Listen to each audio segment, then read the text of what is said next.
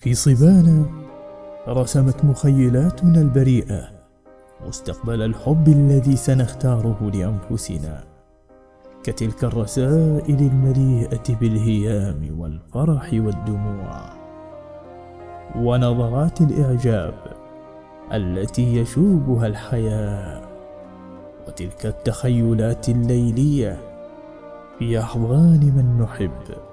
عندما نضع رؤوسنا على وسائدنا مع بعض القبلات والهمسات التي تقشعر لها الأبدان حبا وهياما.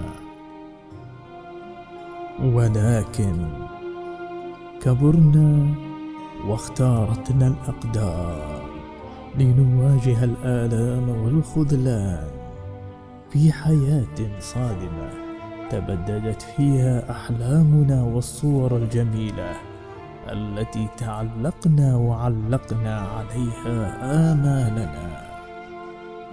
لتكون بين مطرقة الاستسلام وسندان التعايش. أو أن نخلق لأنفسنا فرصة لإنقاذ ما تبقى من صور في مخيلاتنا الطاهرة. عن ذلك الحب المنشود.